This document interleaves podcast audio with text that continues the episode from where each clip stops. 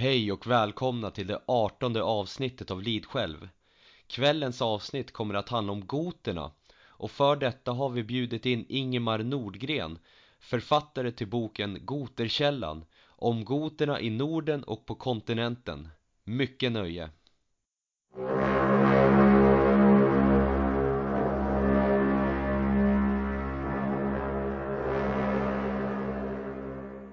Ja, hej och välkomna till kvällens avsnitt. Eh, Jag vill börja med att hälsa Ingemar välkommen.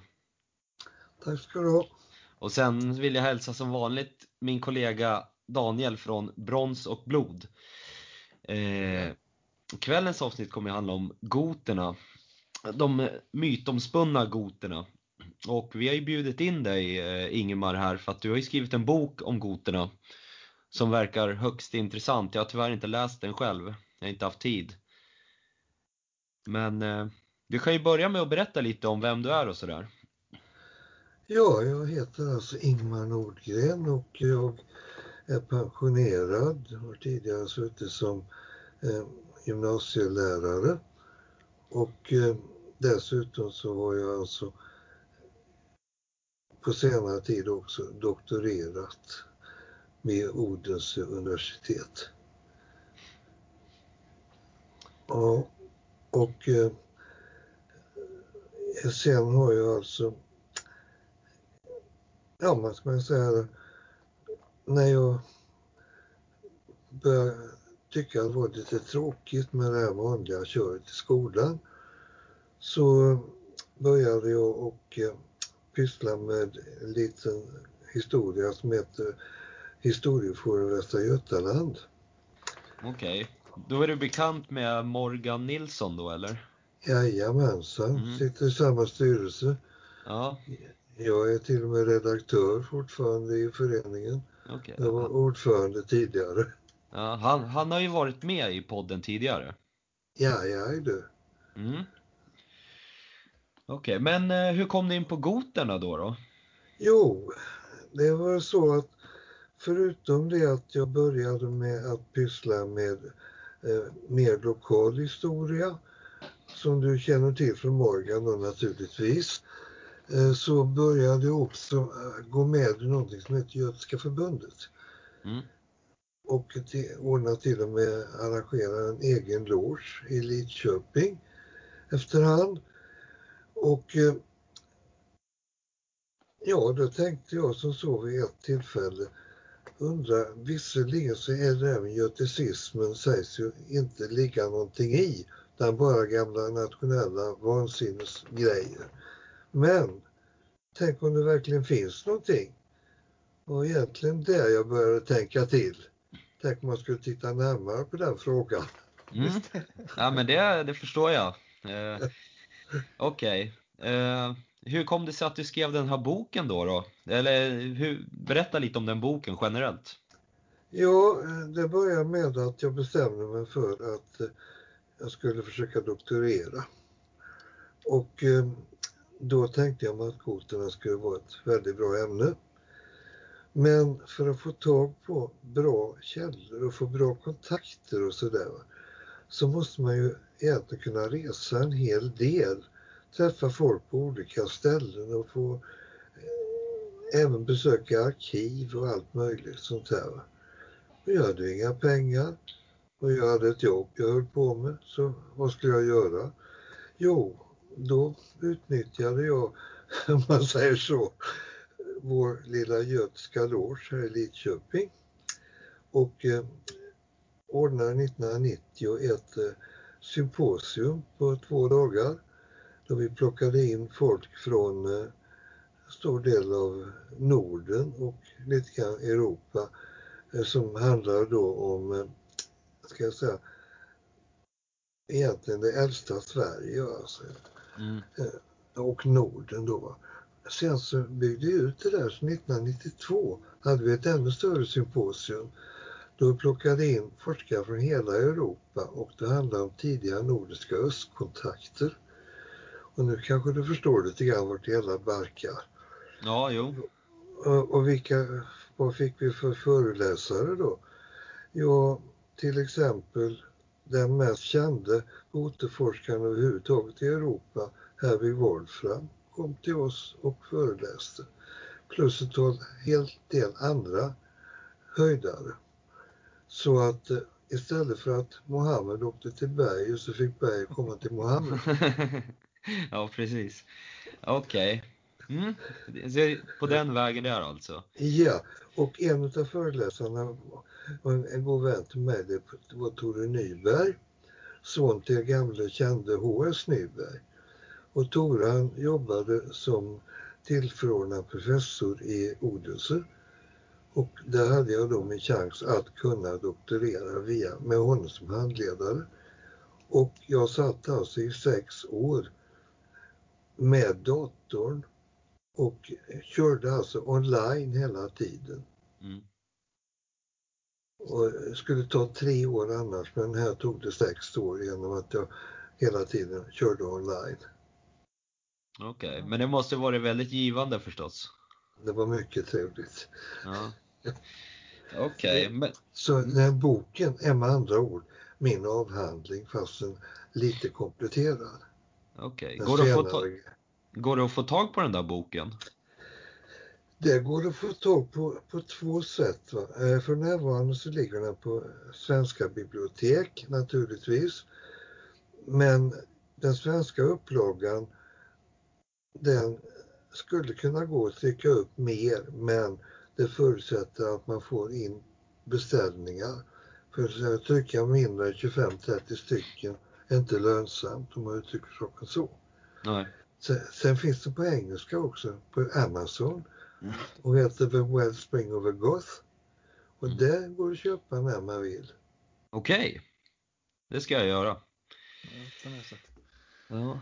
Okej, okay, men då kanske vi kan börja lite mer och prata om själva goterna då. Eh, personligen kan jag säga att jag kan inte speciellt mycket alls om goterna. Så jag tänkte fråga så här, vad egentligen definierar en got?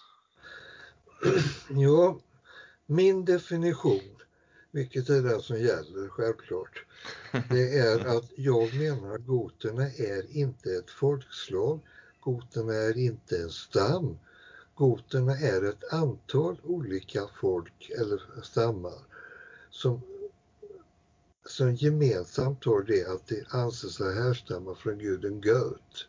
Mm. Och med andra ord så är namnet Goter eller Gauter om du så vill Teofort uppkallad efter en gud. Så det innebär inte att de här behöver på något vis ha en politisk allians utan de har enbart en kultisk gemensam bakgrund från början. Mm. Okej. Okay. Man kan säga att de har en gemensam, en gemensam religion. Ja. Det är det som är... Exakt. Just det. För jag tänkte på det, eh, jag har ju läst en del olika saker om, om eh, jag skrev ett inlägg på min blogg om om eh, germanerna från bronsålder till järnålder. Jag försökte mm. liksom se vilka källor finns det och, och hur långt bak kan man komma. Jajamän. Och eh, då är det väl Tacitus och Procopius omkring år 0. De skriver, jag tror det är Tacitus som skriver att vandalerna bor längs Östersjökusten och dit räknas goterna. Så han, han ser goterna som en del av vandalerna. Ja, det är riktigt. Han ser dem som delvis dominerade av vandalerna, inte en del av vandalerna. Nej, okay. Okay. Eh, så det finns ju till exempel de vandiliska, och även vandalerna hade ju olika eh, mindre kultförbund inom sig. Va? Och ett av de här är ju alltså, vad heter de, eh, hastingarna. Eller, ska vi se om det här, jag lite, jag tänker på dem. Ja, ja alltså vandalerna har ju liksom så här, kommer från hastingarna som sina ursprungliga grejer. Va? Eller ursprungliga fäder. Ja, Men det jag tänkte på nu det var alltså narnavalerna som jag tror faktiskt just Tacitus tar upp med de här långhåriga prästerna som är kvinnokläder. Just det, precis. Som mm, knyter, var... så knyter sina sitt hår framför ansiktet och så får de... Ja, precis. Och det var alltså just en eh. Ja. Just det. De, har, de har ju tvillingarna Ambri och Assi. Medan däremot goterna också har ett par tvillinggudar från början, alltså på den tiden. Det är lite oklart. Aggi och Ybor heter de. Okej. Och det finns ju flera, till exempel Raus och Rapto, eller förlåt mig, Raus och Raptos är goterna, ja. Jag sa fel där. Och eh, anglosaxarna, eller snarare jutarna, har ju Hengst och Horsthammar. Just det. Just det. Precis. Men eh, hur uppstod goterna? Och var framförallt? Ja, uppstod goterna, det finns inget speciellt ställe, det uppstod. Man kan säga som så att det bodde folk här i Västergötland till exempel som dyrkade goat. Det bodde folk i Östergötland som dyrkade goat. Det bodde folk nere i Skåne eller överhuvudtaget Sydskandinavien som dyrkade goat och även i Pommern. Eh, Gotland är inte med där. Det är Jo lite då. liknande. Det är samma. Gotland ingår också i bilden. Mm. Även det är samma eh, namngivning där va. Okej. Men den här guden Goat då, Eh, upp, försvann den eller uppgick den i en an, annan gud eller vad hände egentligen? Mm, det är inte en annan gud men däremot en civilisation. Det vill säga söd... Hmm, ska vi se nu här va. Jag måste bara försöka få lite grann. Jag har gjort lite... Mm.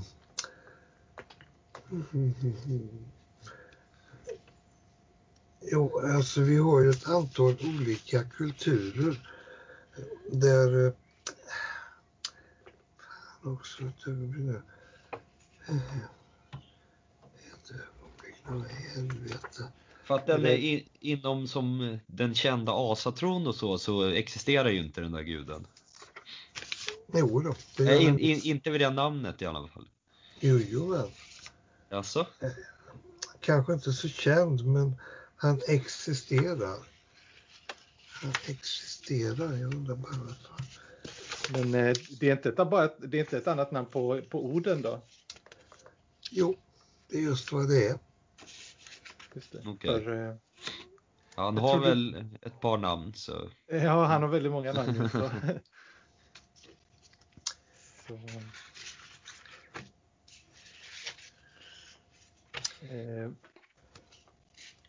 Just det, för jag tror att det är du eh, Ingemar som skriver på i någon artikel som jag hittade på, på internet från en gammal eh, gammalt symposium tror jag. Eh, så skriver de om just eh, Gaut och Gapt och även då hans kvinnliga motsvarighet. Vad heter hon nu? Fru, fru Gauden. Ja, exakt ja. Som är samma då som fru, Frau Holle. Eller i Norden då Frigg.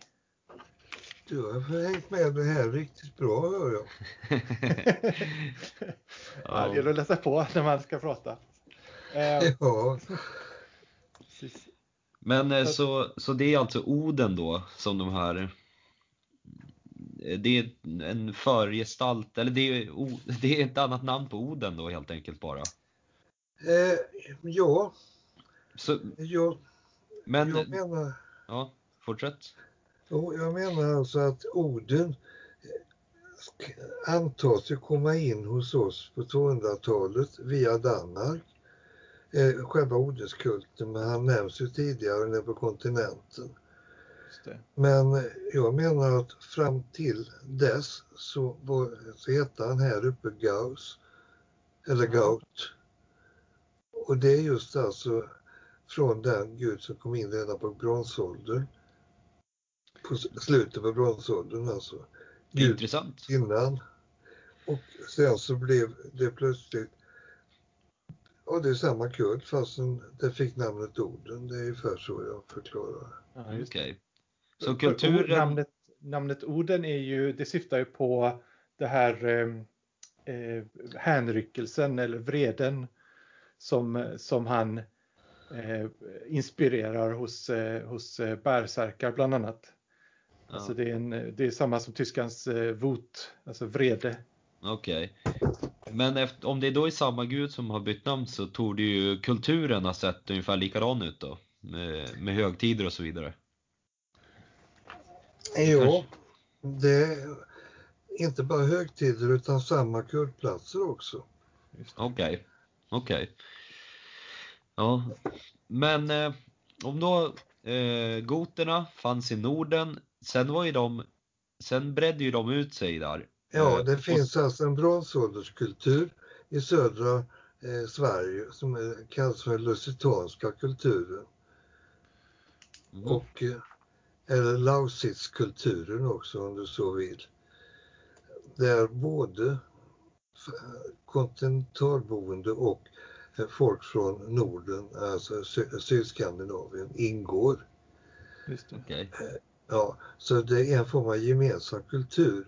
Och så fanns det där sen då något som heter Preussen-kulturen också eh, som eh, höll till i bortre delen av Pommern och i början och, ja, eh, och i, i Polen i det tidiga, det område där senare Widbark-kulturen uppstår. Och Widbark-kulturen är ju det som egentligen är den ursprungliga eh, ja, som man brukar räkna som gotisk i mer kl- klassiska källor. Okej. Ja, så att jag ser det som så att tre, när det börjar bli sämre väder här uppe i Norden, alltså eh, en klimatförsämring helt enkelt, Mm. så det gamla bronsålderssamhället var ju hövdingar som underhöll en stor mängd människor alltså på sina gårdar. Nu börjar istället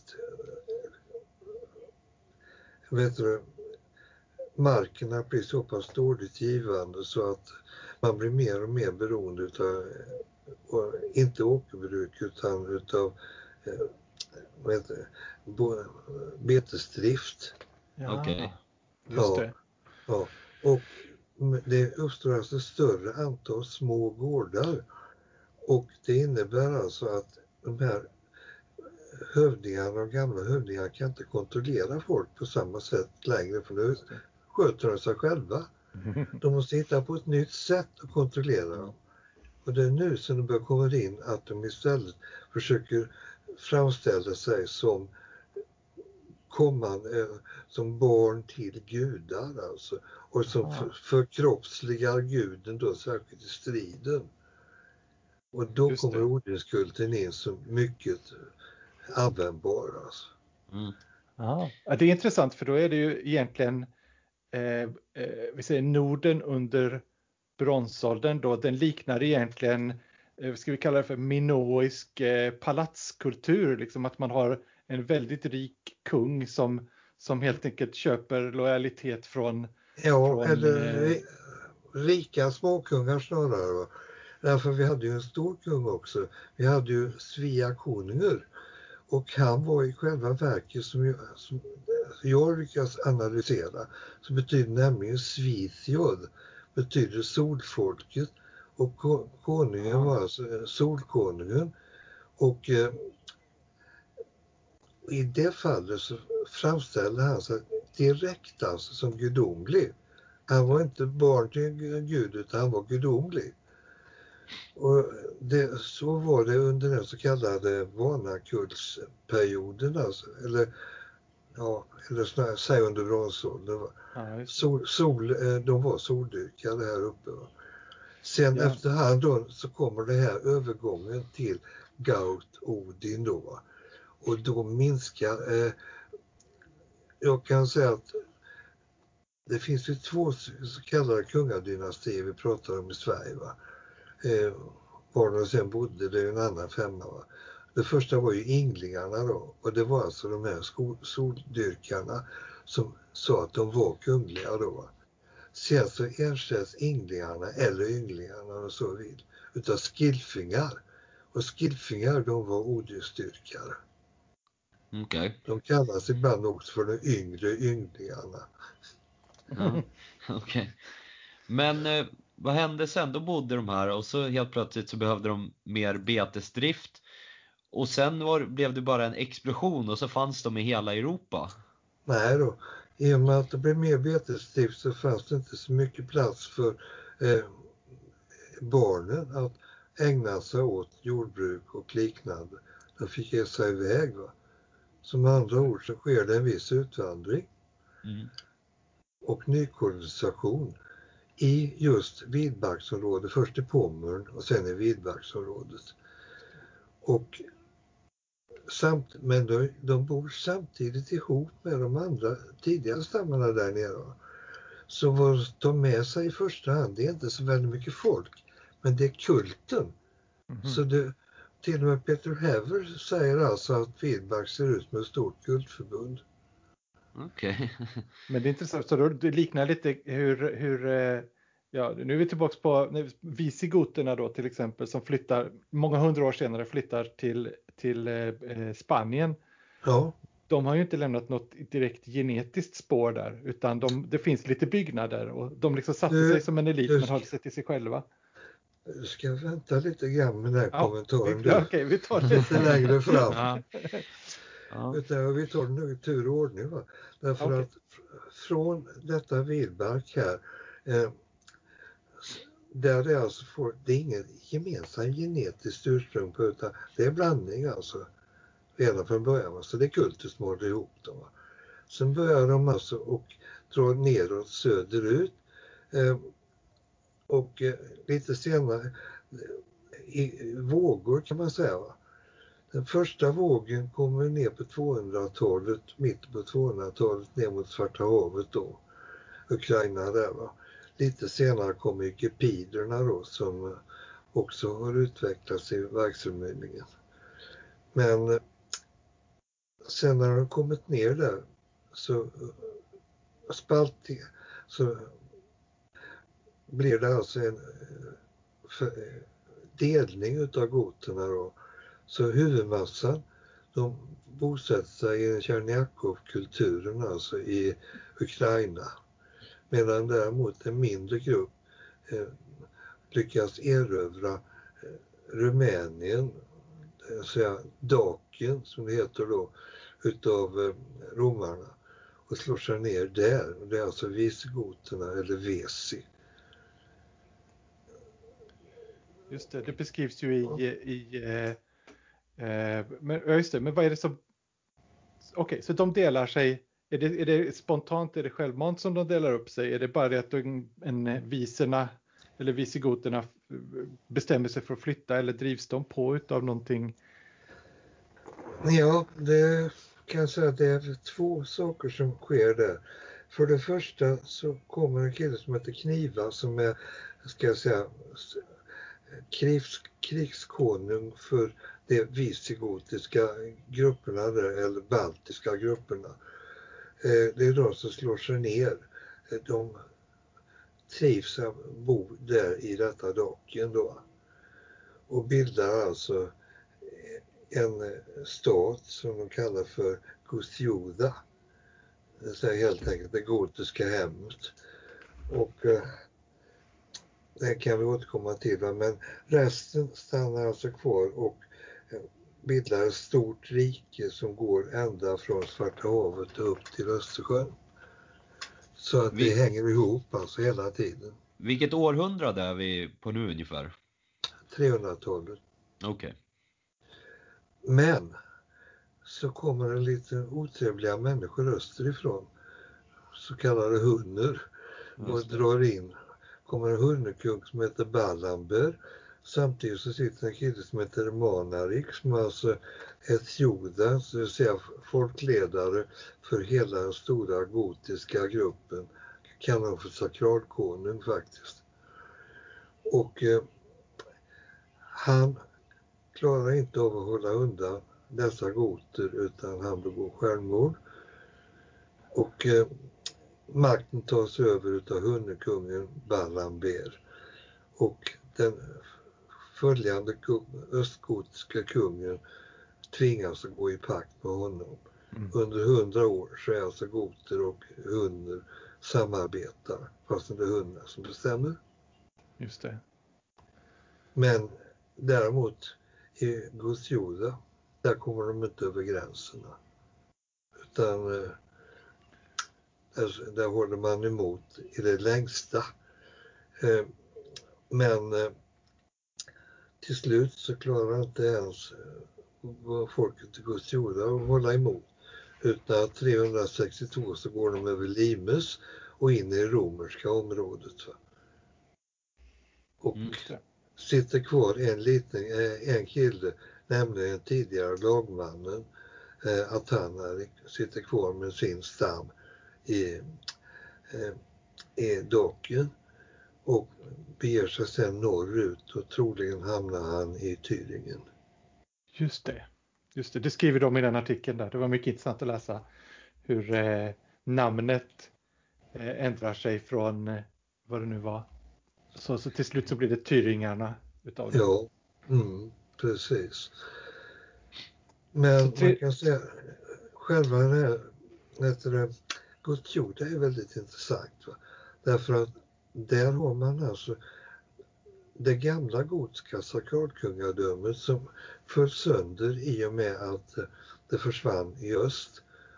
Det lever kvar i, eh, hos visigoterna fast som där har man ingen kung utan man har istället vad man kallar för en lagman eller snarare en ätteman. Som, men han har samma begränsningar som alltså sakralkungen.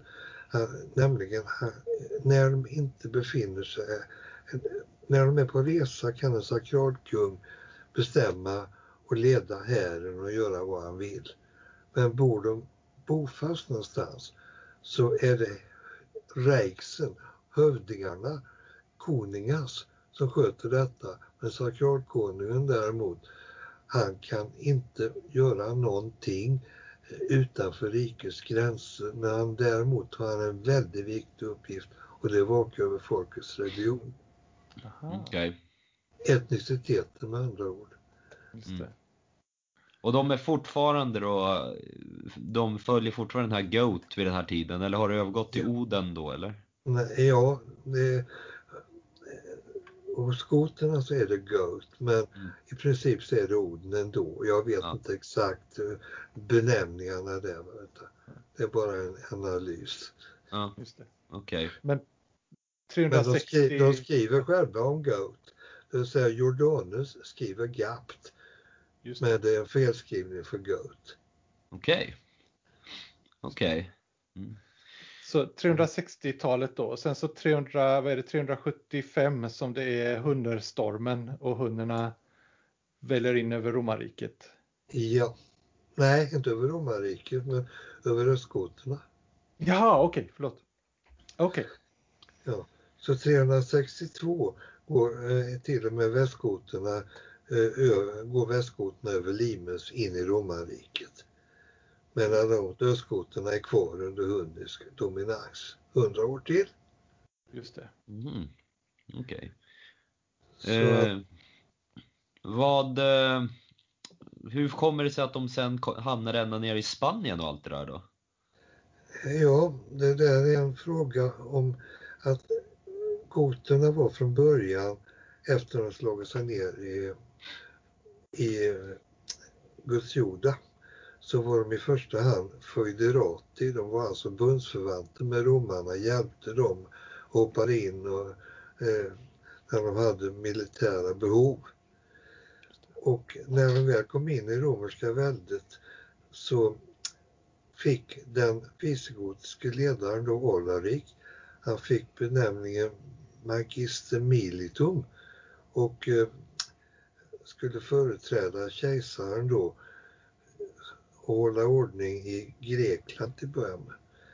Eh, Det gjorde han väldigt effektivt och fortsatte sen bort till Italien och skulle hålla ordning där också. Och 410 så höll han väldigt mycket ordning på Rom ju. Vad, vad hände då? Och han erövrade Rom och plundrade. Ja, okej. Du måste tänka- en nyordning. Tänka Ja. på att folk som lyssnar kanske inte har så jättebra koll på allt så det blir lite internt om vi bara skrattar. Nej, okej. Det, just det. Nej, men okej, han erövrade alltså bland annat Rom och plundrade ganska friskt i Italien i övrigt. Men sen var det inte så att han hade tänkt att stanna där utan han hade tänkt att fortsätta men han råkade dessvärre ut för att dö nere i Syditalien och begravdes med en väldig massa eh, dyrbarheter i, på botten av en flod som han hade torrlagt och släppte på igen sen enligt myten. Just det. Om det är sant vet jag ju inte. Just det. det står Men i Getica om detta. Ja, men hans efterträdare Eurik, han fortsatte i alla fall upp till eh, Toulouse-trakten i Frankrike och bildade ett rike där. Så sen blev ja, 450-talet blev erövrat av frankerna så att då flyttade de istället över till Spanien och där satt de kvar till 711. Okej, det är på den vägen det är alltså. När antog de kristendomen då? Det skedde ihop med övergången av Limes 362. Mm. Eh, vad det gäller visegoterna. Östgoterna kom 100 år senare. Men även östgoterna fick ju samma behandling, det vill säga Teoderik, eh, son till en, den tidigare östgotiske konungen som hade och Teoderik hade alltså suttit som gisslan hos romarna till början med, så han var ganska välkänd. Han sattes iväg för en ny expeditionsstyrka som skulle ta hand om en annan besvärlig herre som satt i Italien, nämligen Odovakar som var tidigare alltså chef för den rom, västromerske kejsarens livvakt av heruler. Och Odevakar såg alltså till att avsätta den sista romerske barnkejsaren 473 och, eh, eller 76 menar jag, och eh, tog över makten som romersk, eller som konung av Italien. Och det tyckte kejsaren inte var riktigt schysst. Så han skickade iväg Teoderik att avsätta honom. Och det gjorde Teoderik, jag tror det 493 tror jag var han kom dit. Ja. Och eh, bjöd in, fortfarande enligt myten, Odevaka på en rejäl fest. Och eh, sen mitt under festen reste han sig upp och drog svärdet och klöv Odevaka i två halvor. Okej. Därmed var Odevaka inte längre aktuell. Och Teoderik utropade sig själv till konung av Italien. Var det här under goternas storhetstid skulle man kunna säga? Ja. Teoderik den store.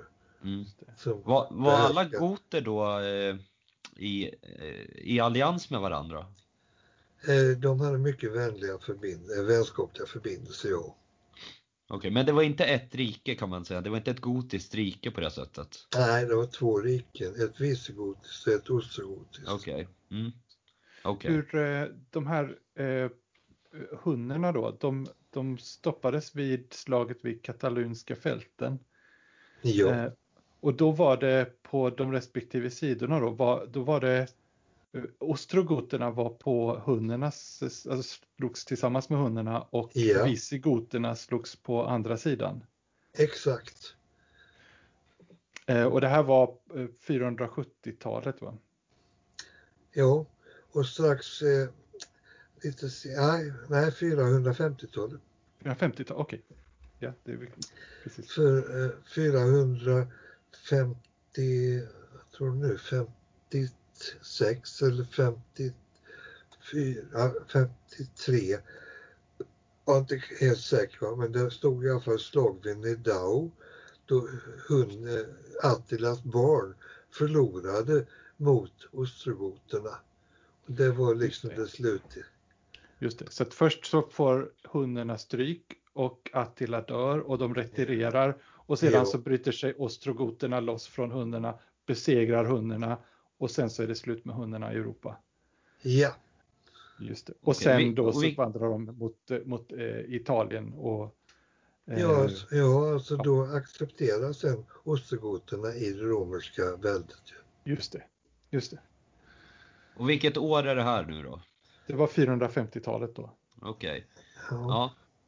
Och så var de i sin storhetstid där och vad hände under då 500-talet? Ja, det är då som det ostrogotiska riket i Italien blev som starkast. Mm. Eh, och eh, Teodorik den store ju, eh, får, har stort inflytande på de omkringgivande länderna också. Så att eh, det, det är ett mycket starkt välde. Och samtidigt så sitter ju alltså eh, visigoterna i Spanien och är också ett mycket starkt välde. Men båda två är lojala mot kejsaren. Va? Så ingen utav dem går emot honom utan de är kungar under den romerske kejsaren. Mm. Okej. Men däremot så har de en väldigt stark styrka. De är nämligen arianer. Och det gör att de håller ett avstånd till den originalbefolkningen och det blir ingen blandning från början där alltså, utan eh, kan säga, de bevakar sina intressen och kan därmed hålla sig vid makten. Mm.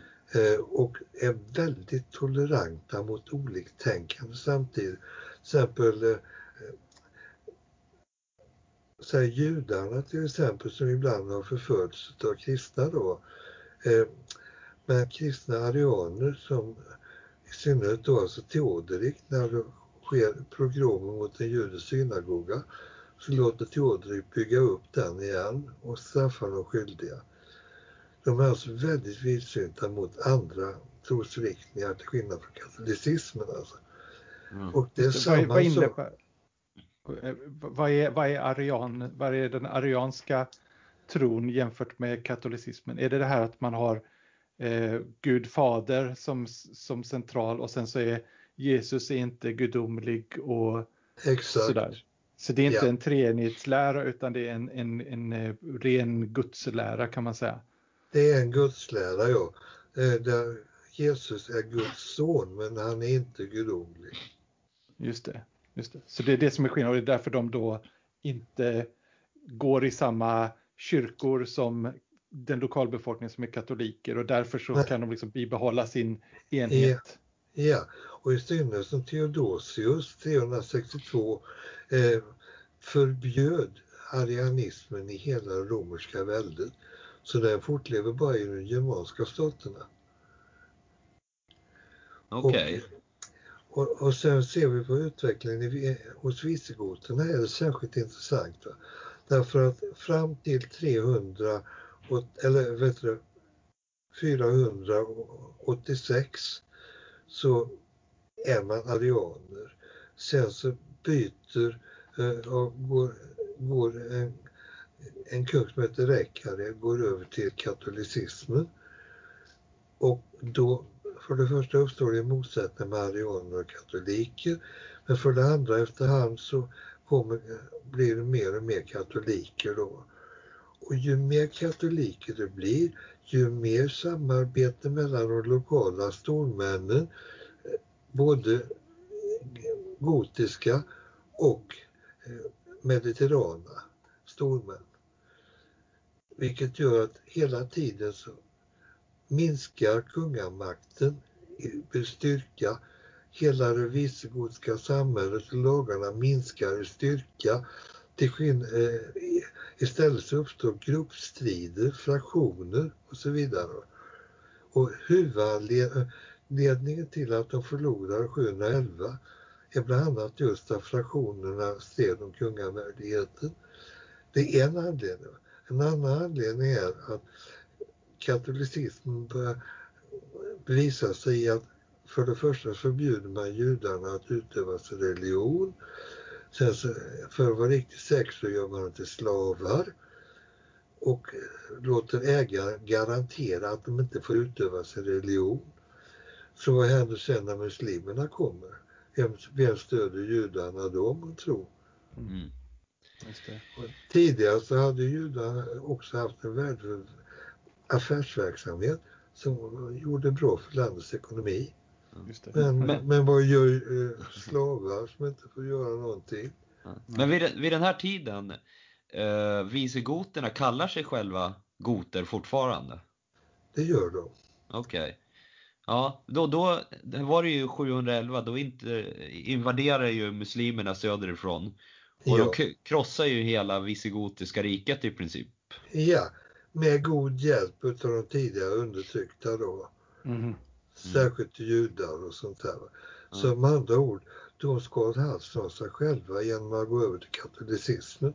Mm. Där, det var, därmed försvann deras etnicitet, kort sagt. Ja. Just det. Var det det sista egentligen av eh, visegoterna? De hade väl en liten, eh, de hade väl ett uppror där under, vad heter han, Pelayo den första va? Eller denna, Pelayo av Asturien. Det är ju en visegotisk kung som... Ja, men de fanns kvar. De, de övervintrade i Asturien och eh, kom sen tillbaka på 1200-talet och återerövrade Spanien. Fast då var de katoliker. Ja. Men, Men de den... kallar sig fortfarande för goter. Okej. Den här. Palay, Palayo, kan du något, berätta något om honom eller? Han är väl en ganska intressant individ? Jag har inte direkt, ja jag vet vem det är men jag, har inte, jag har inte liksom jobbat på den bogen alltså. Nej, ja, men han var ju någon eh, lokal ledare där mot eh, muslimerna då. Oh, eh, för nej, att driva dem tillbaks. Mm.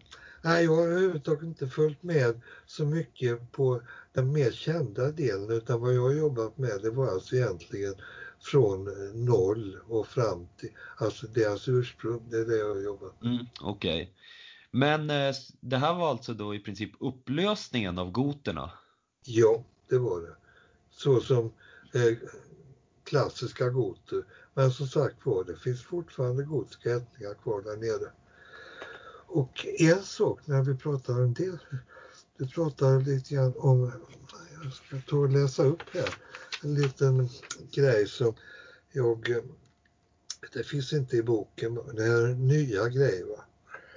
Our studies reveal close genetic links between the MA, ja, MAS VBA and two other Iron Age populations from the Jutland Peninsula and from Kovalevko, located in western Poland.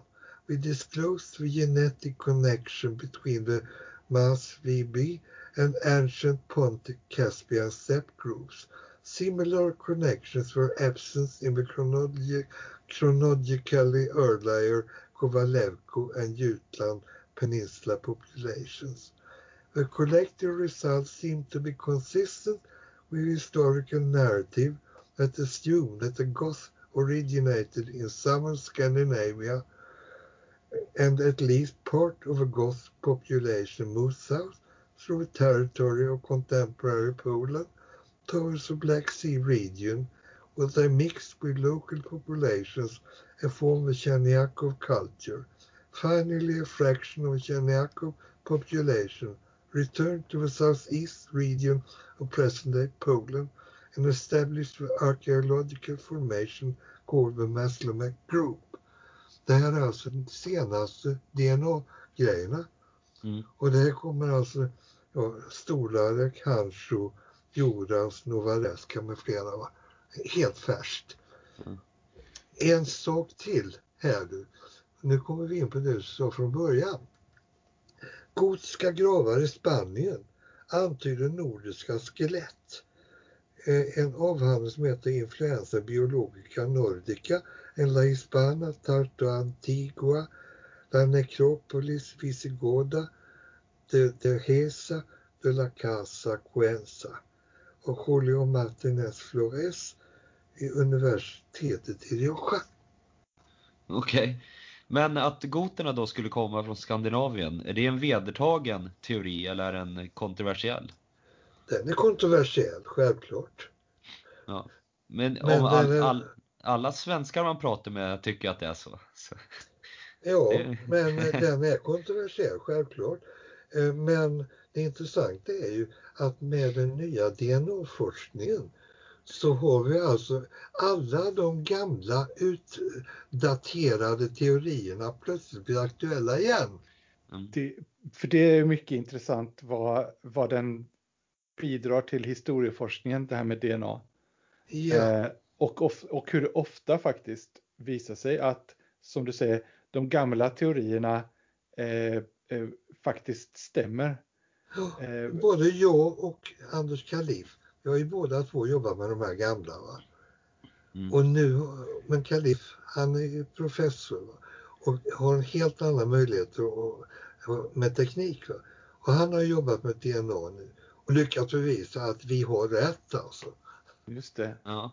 Det är kul att de här teorierna är väldigt gamla. Det är ju, nu kommer jag inte ihåg vad alla de där Västgötaskolan eh, personerna heter, men eh, jag har gjort ett helt avsnitt om, om Väst, Västergötlands historia och det är ju flera 150 år sedan eller något de här teorierna började komma, eller kanske ännu längre, eller? Ja, fast en mm. västgötaskola finns det ingen som heter. Det finns ett antal olika teoretiker som var för sig har haft olika teorier och som har pressen har kört ihop till en västgötaskola. Ja, jo, enda, men, vet, det enda ja. vet jag i sammanhanget är Verner Lindbloms Götalandshypotes. Just det, Götalandshypotesen heter den, precis. Mm. Ja. för det, det, en sak som jag undrar över var, finns det något, någonting som säger att eh, goterna kom tillbaka till Norden? Alltså fanns det en återvandring efter att de hade varit nere i Europa? Det finns det utan tvekan, ja. För det första så har du ryktena, traditionen om Hunahären. Just det. Precis. Och vi har ju arkeologiska fynd med hunniska begravningsseder i Skåne, Sösdala till exempel. Just det, för det är hon Lotte Hedager som har skrivit mycket om hundarna i Skandinavien. Ja då. Just det, hon var med på tv här förra veckan tror jag på, ja. på vetenskaps... Eh, vad heter det, tvn. Ja, jo Lotte, men hon, hon, tar gärna ut svängarna så man ska vara lite försiktig med henne. Men i och för sig, hon läser igenom hela min avhandling innan jag publicerar den. Mm. Så att eh, jag känner henne mycket bra. Hon är väldigt bra. Men jag tänker snarare på Charlotte Fabeck däremot. Då. Hon grävde ju i Sösdala. Eh, mm. hunniska eh, hästbegravningar alltså. Ja, just det, för det finns speciella eh, hästsmycken där. Ja, ja och ja, i synnerhet alltså, eh, de gräver ju ner, eh, ska jag säga, själva ryttarutrustningen grävs ner på ett ställe och hästarna på ett annat. Jaha. Inte ihop. Mm. Okej. Okay. Och det, är, det är hunniskt då? Ja. ja. Och eh, med andra ord alltså så har ju folk som har slagits tillsammans med hundarna har kommit hit upp sen alltså. Just det. Och, och icke minst att kan jag säga lite senare med. Jag, jag har ju själv varit med och grävt ut eh, Finnestorp. Mm. Där har vi gjort världens fynd vad det gäller eh, smycken, eh, hästutstyr som kommer från direkt från Ravenna på 500-talets första hälft. Ja. Okej. Okay. Så, så de tog med sig, eh, de, hade, de red på en häst där nerifrån, jag tänkte. De utrustade den där nere och så red de upp den hit. Ja, och så blev, blev den offrad här uppe ja. Ja, just det. Ja, det är häftigt. Eh, jag har lite frågor, eller du kanske kan gå in på lite om gotiska runor. Ja, det finns inget som heter gotiska runor överhuvudtaget. Däremot så finns det en skrift som heter Wulfulansk, Wulfulansk skrift. Okej. Okay. Så det är inte runor utan det är ett särskilt alfabet som biskop Wulfila har konstruerat. Okej. Okay. de är helt annorlunda än runor då? I... Jajamän, helt annorlunda. Och det finns eh, skrifter på det här eh, språket då alltså? Du, det finns en väldigt känd skrift som ligger i Uppsala som heter Silverbibeln bland annat. Ja just det, det stämmer. Den är jag bekant med. Eh, det här är också lite senare, du sa att det var i goternas tidiga historia som var ditt intresse då, men den här gotisk arkitektur, till exempel i kyrkan i, är det Prag? De är, den är väl i gotisk stil? Du, nu måste du hålla isär två saker. Gotik och gotisk. Gotiken är nämligen några med svarta kläder och eh, ringar i öronen och sånt där. Men också de här höga eh, häftiga kyrkokonstruktionerna, också gotik. Mhm. Det är inte någonting som goterna ligger bakom. Okej, det är ingenting, eh, ingen koppling alls? Inte minsta, Okej. utan möjligen att det kommer från samma område, alltså, alltså eh, bland annat Spanien då, att de var tidiga med det. Men det är Mm. inte de gotiska husen och eh, gotiska kyrkorna till exempel. Det är små massiva romanska hus. Ja. Du ser vad man lär sig när man frågar, eller hur? Ja. Ja, men eh, de här var ju då så ut, de var så, hade sån storhetstid i Europa och allting. Däremot goternas eftermäle var egentligen det tydligaste spåret av dem. Jo, man kan väl säga en synnerligen fredlig övergång alltså mellan, eh, mellan antik och medeltid. Eh, både, alltså vad goternas stora insats var att de helt enkelt bevarade den romerska kulturen och lät den sen sakta sprida sig genom medelåldern och, eh, medeltiden och sprida upplysning alltså. Eh, och en väldigt viktig sak som de bidrog med precis tack vare sitt fornnordiska ursprung, nämligen tolerans gentemot oliktänkande. Mm. Och Okej. det är ju inte de, en, de ensamma om, utan även sen normanderna när de kommer ner och bosätter sig på Sicilien så är, blir Sicilien på 1000-talet ett fullkomligt strålande praktexempel på hur både muslimer, kristna och asatroende kan leva i symbios och, och få utveckla en hög kultur. Ja, så länge de eh, normanderna bestämde då antagligen. Ja, innan påven kom in i bilden. Ja. Ja, ja precis. Okej, hade du något mer du ville säga allmänt? eh, Eller har du något att komma med Daniel? Nej, jag ty- ja, det har varit väldigt intressant och mycket svar faktiskt på det här. Frågan. Ja, det var extremt intressant. Så det är väl kanske kan knyta ihop säcken lite grann då. Eh, Men jag vill fråga dig Ingemar, eh, jag frågar alla mina gäster, om du har något boktips? Eh, ja, den som skriver bäst om goterna det är ju Hedvig Wolfram. Mm. Okej. Det, det heter väl De Goten eller något liknande i översättning. Men visst finns det finns många bra böcker men jag tycker nog att Wolfram är bland de bästa. Alltså. Okej. Och så Ja. din egen bok då, om man kan få tag på den som sagt. Den är en förtjusning alltså. Och som sagt men klart, jag kan trycka upp mer på svenska men då vill jag ha beställningar. Just det. Ja men du kanske får några efter det här avsnittet där eh, har sänts då. Ja. Men eh, då vill jag tacka dig, det har varit eh, otroligt intressant faktiskt. Så ja, tack så du och så får vi höras framöver då. Hej då! Ja, ska man, Ja, tack hej, ska hej. du ha. Hej! Tack så mycket. Ni har lyssnat på ett avsnitt av Lidsjälv, en podcast om nordisk hedendom, kulturhistoria, etnologi och folktro. Om ni uppskattar podden och vill stödja den så gör det bäst genom att köpa en av mina böcker. Det går att hitta på Bokus och så vidare. Min första bok Inkräktarna handlar om Nordens kristnande sett från ett hedniskt perspektiv. Min andra bok heter Runstenar i Sverige och är helt enkelt en faktabok om runstenar. Glöm inte heller att följa Lidsjälv på Instagram. Tack!